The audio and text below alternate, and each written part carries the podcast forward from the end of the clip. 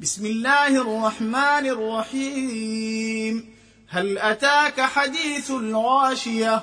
وجوه يومئذ خاشعة عاملة ناصبة. تصلى نارا حامية تسقى من عين آنية. ليس لهم طعام إلا من ضريع.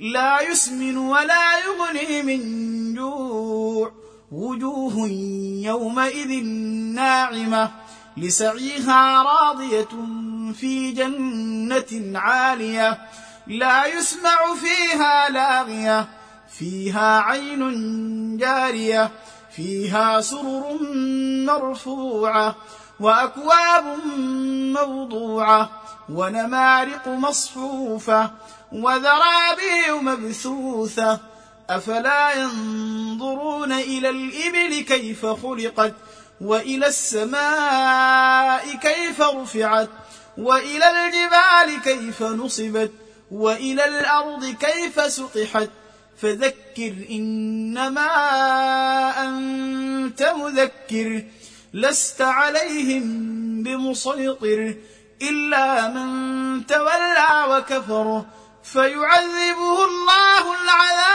العذاب الاكبر إن إلينا إيابهم.